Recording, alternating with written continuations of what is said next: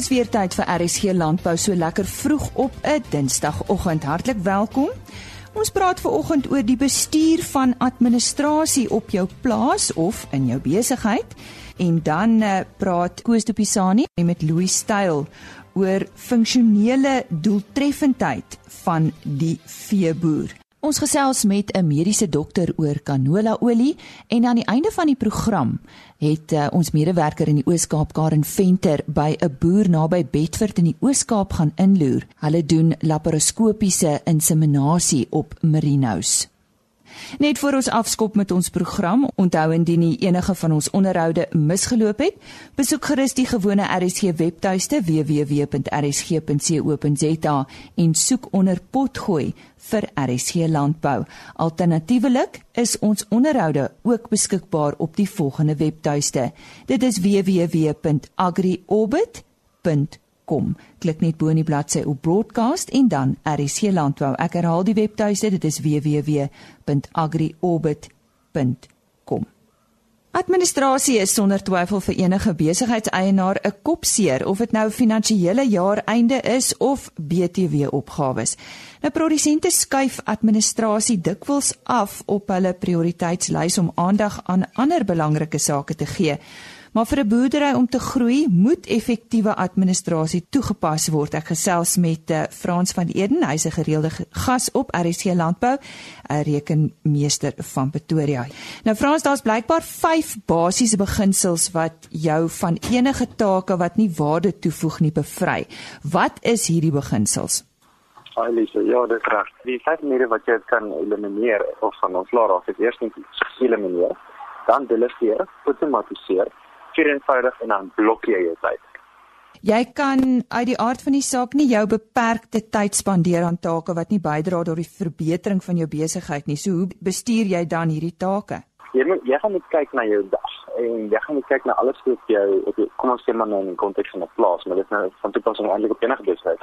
Ehm um, jy gaan net kyk na die dag van jou en jou werkers en jy gaan bepaal is die take wat hulle doen belangrik vir die besigheid se groei as dit nie iets is wat gedoen moet word of om dinge te hou soos wat nou is op die oomblik nie of om die besigheid te groei nie dan moet die taak geëlimineer word en niemand moet dit meer doen nie. Andersins as dit dan nog steeds gedoen moet word, dan gaan jy na die volgende stap toe. Nou kom ons praat oor delegasie. Wanneer sou jy sê is dit veilig om 'n taak aan iemand anders oor te gee?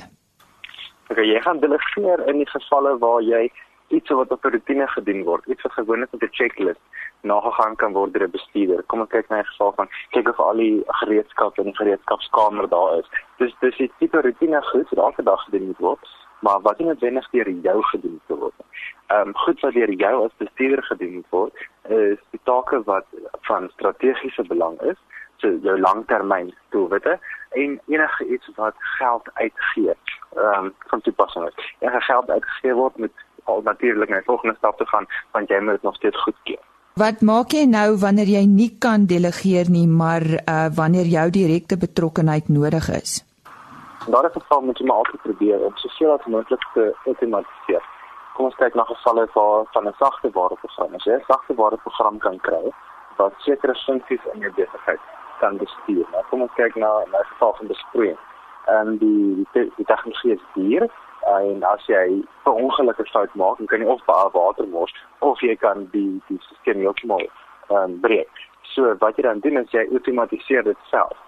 So die program bestuur die hele ding. Nou nou dit gaan vir enigiets anders kan dit gesê ook. As jy die vorige twee sta, uh, stappe wat ons net bespreek het, deur gekom het, dan moet jy kyk of jy dit kan outomatiseer. Indien wel, is dit altyd van uh, die werd. Maar jy dra bietjie geld te betaal om dit te outomatiseer. Want wanneer jy fokus op jou langtermyn groei, kom ons dink aan byvoorbeeld om volume te kry, dan gaan jy meer geld inbring, so jou tyd is meer waardevol om te spandeer op ander take.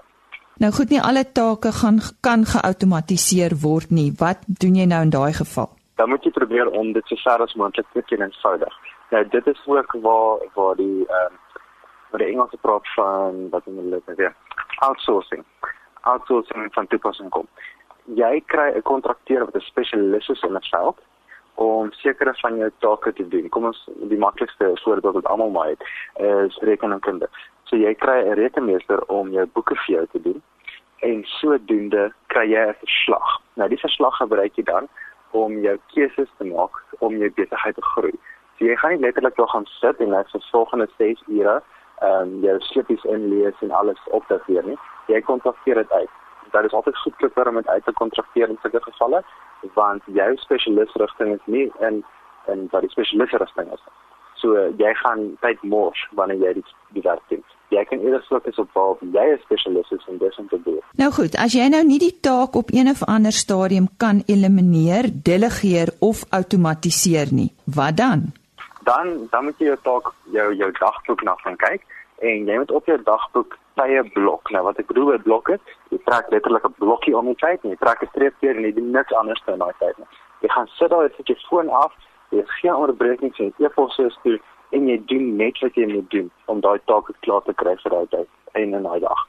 Ehm um, ek kan nie van die die, die taak van oor staan na môre toe nie, want dan dan raak alles altyd agter en dan begin jy sien jy my wil dit nie doen. Frans, maar hoekom dring jy daarop aan dat besigheidseienaars elke dag voor hulle huis toe gaan die nodige take afhandel? Die maklikste manier om dit te verduidelik vir jou is met beeldspraak. Kom ons kyk na die voorbeeld van as jy stokkies op tel in self. Jy kan stokkies, een stokkie, breek ons gemaklik vir jou. Okay. En dit is jou taak vir jou dag. As jy jou taak oorslaan vir die dag, dan is dit môre, dan het jy eers twee stokkies. Dan het jy twee stokkies vir twee take afhandel. Dit is nog steeds maklik, maar dit doen dit. En ek sê jy aan. Jy op van stokkies te stel. Jy kan dit nie breek. Dis dit dan vir jou so ver agter is dat jy nie meer tyd fokus op jou strategiese groei nie. Jy jy jou prioriteite is nou nie meer groei van die besigheid nie, dit is eerslik administrasie en jy niemand sien uit vir administrasie nou as jy maar eerlik met mekaar is. En dan begin jy dit op afskakel. En jy los dit en jy wil verder af en verder agter. En eweskielik wanneer jy weer kyk jy sê jy agter met jou belasting en dan kom jy ehm um, belastinggaal ry maar op toe want hy gaan agterkom jy okay jy skuld 6 miljoen rand of wat ook al die bedrag mag wees en jy kan dit nie betaal nie want jy het nie nog vir begroting want jy het nie 'n strategiese fokus in plek gehad nie dan gaan jy kom toe maak. Ek gaan vat wat jy het en die res gaan jy nog steeds moet voorstaan vir op 'n of ander manier. So dis ook net sê, breek die stokkie elke dag, doen wat nodig is. Wat behels gefokusde groei? OK. As ek sê dit so kan tel, ehm um, stel jy belang in sukses, is dit 'n idee waarvan jy hou of is sukses 'n prioriteit vir jou? Nou gefokusde groei is wanneer jy eerder doen wat nodig is om te groei as doen waarvoor jy lus is wat noodwendig lekker is ehm um, wanneer jy dit doen, want daai besigheid is ook nou nie regtig 'n uh eh, uh eh, speletjie nie. Jy, jy moet dit ernstig opneem as jy suksesvol wil wees. Ehm um, dit kan nog steeds lekker wees, maar jy moet dit ernstig opneem. En dis nou waar dit neerkom. Jy is gefokusde groot waar jy ernstig opneem wat jy moet doen om soortgelyk te kan beweeg. So dis daai sukses prioriteit vir my en dis wat ek dink wat nodig is om my doelwitte te bereik. En dis maar waar dit neerkom. Elke dag doelwitte stel, jy doelwitte bereik. En as jy die klein doelwitte konstant te doen waar jy groei in die toekoms. Ehm um, voorbeeld hoe kom ek sê is as ek gaan fokus op op klein taakies soos gereedskap tel. Okay, ja, dit kos geld om gereedskap te vervang, maar dit kan deur iemand anders gedoen word eerder. Ehm um, as ek fokus op hoe om my volumes en by die plaas te verbeter nie. Dit kan wees maniere ondersoek om 'n nuwe plaas te koop, groter plaas of so meer. En jou volume bly heeltyd dieselfde. Eventueel gaan jou kostes jou inhaal en dan gaan jy in 'n posisie wees waar jy nie meer geld maak nie. So jy moet heeltyd fokus op groei sodat jou jou groei in omset, die groei in in kostes verskry. Ons sê weer eens baie dankie aan Frans van Eden en hy is 'n rekenmeester van Pretoria. Kommersiële beesboere en stoetboere moet in dieselfde rigting trek om in die behoeftes van die vleisbedryf te voorsien. Die verbruiker plaas ook al hoe meer druk op vleisboere en daarom moes hulle oor die laaste dekade of twee sekere kopskuive maak om hierdie behoeftes te akkommodeer. Koos de Pisani gesels nou met Louis Styl, die rasadviseur van Bonsmara SA oor hierdie veranderende behoeftes en hoe vleisboere te werk gaan om daarbey aan te pas. In die landboukringe is presisie boerdery aan die orde van die dag en met goeie rede ook. Daar is nie meer plek vir onproduktiewe diere nie, want inset en onderhoudskoste raak al hoe hoër op plase en die winsgrens raak al hoe kleiner vir die boere. Veeboere kan nie meer bekostig om onproduktiewe passasiers saam te dra nie. In 'n gesprek met Louis Styl, rasadviseur van die Bonsmara Genootskap, het ek hom uitgevra oor hierdie nuwe denkwyse in die landboukringe. Louis by feitelik elke landbou en inligtingsdag word daar gewoonlik deur een of meer sprekers verwys na funksioneel doeltreffende beeste. Wat verstaan julle wat in die bedryf staan onder die term? Die definisie van funksioneel doeltreffendheid is 'n dier wat vir jou met die minste moeite, die minste koste, ja, en die minste insette die meeste produseer. Julle is baie gestel op die bouvorm van die dier. Maar is daar 'n korrelasie tussen bouvorm en bespiering van die dier? Oor al die jare verander vir goeie bespiering, want goeie bespiering is op die ouene van die dag 'n goeie bouvorm. Maar as jy te gaan na te, te veel bespiering toe, dan kry jy hierdie kalles, hulle letterlik, hulle lyk soos bodybuilders. Mm. Nou soos die Bonsmara het ook, een van die dubbelbespier gene kom uit die korthoring uit. Nou ons Maras moet 'n samestelling van Afrikaner korthoring en ehm um, en Hereford. So ons het dit in ons in ons lyne en dit is hoekom 'n mens moet pas op dat jy nie ook so bespierd raak en dan gaan jy nou oor na dubbelbespiering toe en 'n dubbelbespier kalf verloor al sy groei. Hmm. In in al die toetse en goeters wat ek al gesien het van ons Maras, was daar nog nooit 'n dubbelbespierde kalf wat deur 'n uh, deur deur deur 'n toets gekom het nie. Daai goed kan absoluut nie groei nie. Jy beskryf nou dubbelbespiering as 'n negatiewe eienskap. Maar wat is die gevolg of die nadeel daaraan? Jy verloor jou jou ek wil amper sê jou sekondêre vroulike eienskappe wat jy sou kry op 'n bul. Hmm. Verloor jy op die ouene van die dag en hy teel vir jou ook sulke mannetjiesagtige vroulike diere. Hmm. As jy nou praat van in terme van van daai bespiering, hmm. dit is soos broer sê jy soek koeie wat jy soek veldkoeie, lekker kapasiteit, lekker diepte, alles want op die ouene van die dag is dit wat die kommersiële ou wil wil produseer want dis waar jou geld lê jou speenkalvers. Louis, wie bepaal eintlik die hoe die ideale vleisbees moet lyk? Of jy 'n stoetboer of kommersiële boer is, jy's in die beesbedryf, jou uiteinde is die vrou wat jou die styf koop om vanaand vir haar man te gaan gaar maak. Want die abattoir kyk na wat die wat die wat die verbruiker weer wil hê. As mens nou in die toekoms indink en dan voedselsekuriteit en daai tipe goeders, gaan ons in die toekoms moet begin wegmaak met onproduktiewe beeste. Hmm. Want ons het beeste in Suid-Afrika wat baie groot is en baie onproduktief is eintlik in terme van as jy hom gaan slag, dan gooi jy helfte van die helfte van die bees weg. Prysgewys, doen jy beter met jou superosse, maar dit is weer eens na wat die verbruiker soek. Wat soek die huisvrou? Wat se wat is die grootte van die, van van die styk wat sy soek? Wat is die grootte van die okstyl for that matter wat sy soek en daai tipe goeders? Beide die stoetboer en die kommersiële boer moet in dieselfde rigting trek. Nou as jy nou jou nek ver kan uitsteek, so jy sê die stoetboere en die kommersiële boere is op dieselfde bladsy wat doelwitte en mikpunte in die vleisbedryf betref. Daar's soveel kommersiële ouens in Suid-Afrika wat hulle hele boerdery opset, hardloop hulle net so net so deeglik en en presies soos soos soos wat die stoetboere dit doen. Dit is half nie 'n persoonlike ding nie, maar dit is half dis 'n keuse wat 'n mens maak of ek wil wil deel wees van daai bedryf, maar 'n kommersiële boer is in Suid-Afrika net so ver gevorder in baie gevalle verder gevorder as wat as as wat van die stoetler is. So mense moet nooit mense moet nooit die kommersiële boer onderskat en dink hy ja, ja. hy laai net 'n klomp klomp speelkalvers. Volgens die die RPO se regpunt te onthou is die beraming van van dragtigheidssyfer in in Suid-Afrika omtrent 60%. So ons loop met 40% van ons beeste in Suid-Afrika wat nie kalf nie. En nou sit ons met dieselfde situasie as op die ouene van die kommersiële boer moet soveel beter en beter vleis produseer, beter diere produseer en alles om op te maak ja. vir 'n klomp diere wat onproduktief is in die bedryf hmm. wat alwaarvoor hy dier letterlik goed genoeg is wanneer hy geslag moet word vir 'n begrafnis. Maar tot die kommersiële beesbedryf maak daai diere Geensins so ek sê 40% van die diere in Suid-Afrika kalf nie elke jaar. Ja, ja. En ons praat nou net van ons van van ons vroulike diere. Ja. Dit is Louis, hierdie verandering in die veeboerdery het so stelselmatig oor 'n klompie jare het in het dit infaseer. En ek het altyd die gevoel gekry dat hierdie soort inligting by skoue uitgedeel word. Dit was nog altyd die vertoonvenster van verskillende rasse. En ook die plek waar veranderende behoeftes met die deelnemers bespreek is.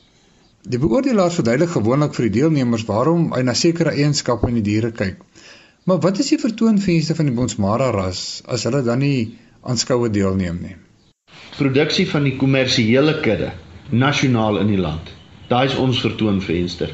Die feit dat die nou die dag hierdie hierdie hierdie voerkraal vereniging weer weer hulle beraam laat omtrent tussen 55 en 60% van die diere wat wat wat in 'n voer wat in die voerkrale staan in Suid-Afrika is Bonsmara, Bonsmara kruisings of Bonsmara tipe diere. Dit is dit is ons vertoonvenster, die nasionale Bonsmara kommersiële kudde. En dan nou natuurlik wat nou in die later jare bygekom het, is die is die karkas kompetisies. Ons gebruik nou karkas kompetisies as ons manier van skou en dis hoekom ons in die laaste 7 7 uit 7 jaar was die enkel karkas semi nasionale karkas kompetisie wenner in Bonsmara gewees. Ons sê baie dankie aan Koos de Pisani, hy daar gesels met Louis Styl, die rasadviseur vir Bonsmara Suid-Afrika.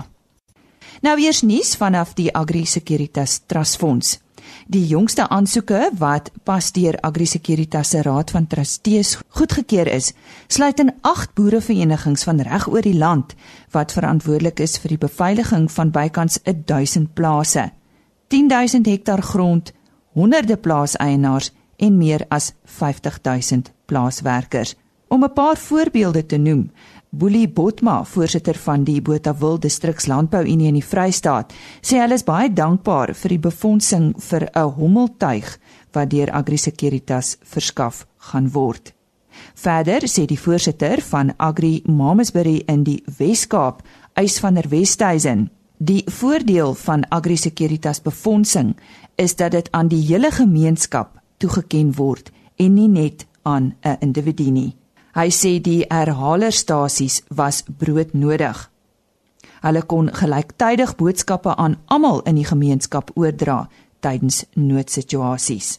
Sandy Lemaak, uitvoerende hoof van die KwaZulu-Natalse Landbouunie, sê die Boston en Underberg boereverenigings wat befondsing ontvang vir kamerastelsels was slagoffers van misdaad en plaasaanvalle in die afgelope jaar. Ander gemeenskappe wat ook befondsing ontvang het, is die Hex Tafeldryfprodusente Vereniging en die Koue Bokkeveld Landbouvereniging in die Wes-Kaap, die Tosca Boerevereniging in Noordwes en die TLUSA se Potgietersrus Distrikslandbouunie. Van die toerusting wat met die befondsing aangekoop gaan word, sluit in koelvaste baadjies, herhalers, nagsigtoerusting, kamerastelsels en digitale radio's. En nou vir ons volgende bydrae. Gesonde leefwyse en eetstyle het wêreldwyd onder verbruikers posgevat. Maar in watter lande het spesifiek canola olie se gewildheid reeds toegeneem? Dis die eerste vraag wat ek gestel het aan dokter Darren Green. Hy tree op as konsultant vir Soil, die canola olie aanleg wat net buite Swellendam geleë is. Ja, inderdaad, jy weet in Noord- en Suid-Amerika sowel as Europa, in die meeste van die eer, eerste wêreldse lande, jy weet, is dit 'n uh, is dit eintlik hulle hoofkookolie. So hier in Suid-Afrika is 'n ding wat eers nou stelselmatig oor die afgelope ruk nou meer en meer gewild raak om oor te skakel van sonneblomolie na na canola-olie. Want mense is nou eers bewus van die gesondheidsvoordele daarvan. Ja, kom ons praat so oor daai gesondheidsvoordele. Vertel vir ons. Ja, wel die die groot ding is dat uh, mense weet van die die fantastiese woorde, die komplekse woorde versadigde en onversadigde vette. En as dit kom by vette, moet jy weet wat is die goeie vette, wat is die slegte vette. En jy weet in canola olie kry jy die laagste konsentrasie versadigde vette uh, van enige vorm van kookolie. Ehm um, en natuurlik is dit baie hoog in omega 3.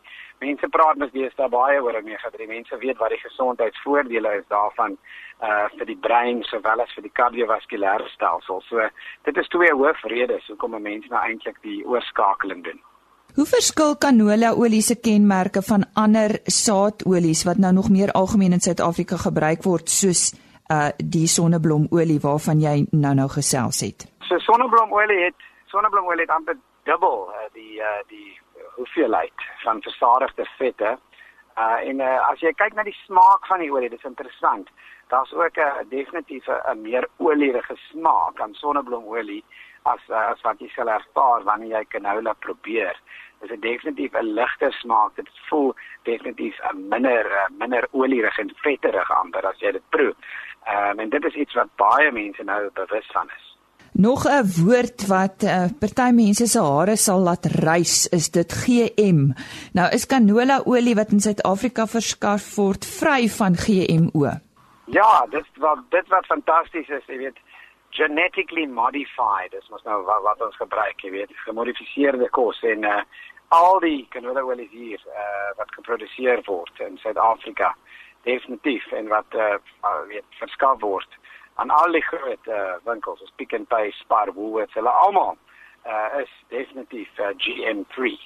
Kan ons gesels oor omega 6 uh, en omega 3, die verhouding in canola olie teenoor ander saadolies? Ja, om daai uh, perfekte verhouding of die beste verhouding vir jou gesondheid te verstaan, moet jy regtig uh, moeite daarvan maak om te weet wat is die voordele van omega uh, 6 en 3 en die die verhouding waarna hulle plaas uh, weet uh, verskyn en verskillende olies is belangrik.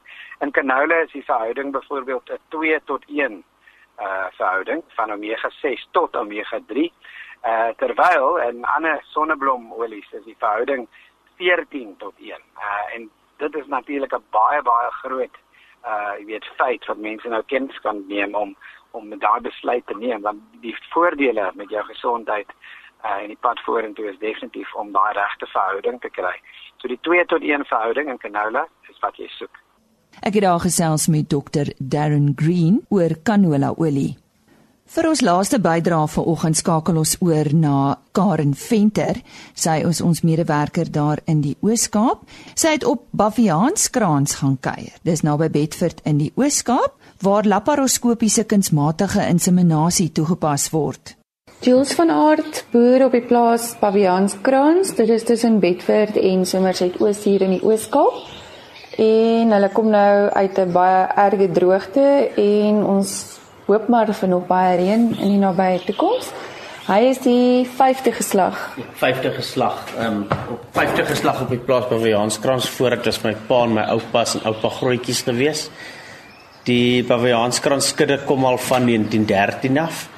Ehm um, onder die laaste ons hou nou al 16 jaar wat ons produksieveilinge op die plaas. Ons het die laaste paar jaar verskriklike ehm um, vordering gemaak met die genetika wat betref ehm um, die die bouvorm van die skape. Die wol was nog nooit 'n probleem gewees nie. Ehm um, ons is nou vandag besig met laparoskopie so wat Jenica vir ons doen hierdie keer. Ons gaan 250 oeye laparoskopie met 'n ram wat ons wat ons beskou as 'n baie baie een van die beter ramme wat ons nog ooit in ons lewe gesien het wat perfekte wol en en 'n perfekte bouvorm het. En dan sal ons die week voor ons veiling weer 150 met hom laparoskopie en dan gaan ons die ramme verkoop op die plaas. Die die ram is is 'n Duke ram. Dit kom uit die oorspronklike Baviaanskrans bloedlyn uit. Dis nou al die dink is omtrent die vandat ek op die plaas is, is dit die 10de 10de of die 11de Duke ram wat ons nou al terughou elke jaar. En maar hierdie is by ver die beste bouvorm. Sy pa het ons 2 jaar terug 2 jaar terug verkoop op ons veiling. Hy is vak ehm um, op Transvaal toe Leon Labeskagh het hom gekoop. Ehm um, hierdie is 'n verskriklike goeie ram. Ons dink hy's actually beter ram. Ehm um, Die rede vir die ehm um, die laparoskopie is vir die vinnige genetiese vordering. Ons doen vandag kudde oeye, nie stoet oeye nie. So ons probeer net die die die bouvorm van die ram probeer ons nou deurdruk in die kudde omdat veral in die fynwolbedryf is hierdie bouvorm wat hierdie ram het um, baie baie skaars. Ons het al oral in die oral in die wêreld gesoek na hierdie tipe tipe skaap. Ons kon ons wol oral kry in die wêreld, maar ons kon nie die bouvorm kry wat die spesifieke ram het nie die die prentjie omtrent hom is is hy maak 'n baie mooi prentjie en hy maak 'n baie goeie produk en hy die hy die regte tipe wol vir ons area in vir vir ons om met te boer. Die die ram maak 'n baie mooi prent, hy het 'n baie dik horing, hy het 'n baie manlike manlike kop aan hom. Hy het 'n lang lyf met 'n verskriklike wel die probleem van die ram is jy, jy kry hom net sy kop sak nie. Hy staan altyd prominent en trots. En hy het daai trotse prentjie wat ons wat ons wil deurdra na ons kudde toe wat net ons ons seleksieproses makliker maak om dit trots 'n mooi trotse dier hy hy vertoon baie mooi.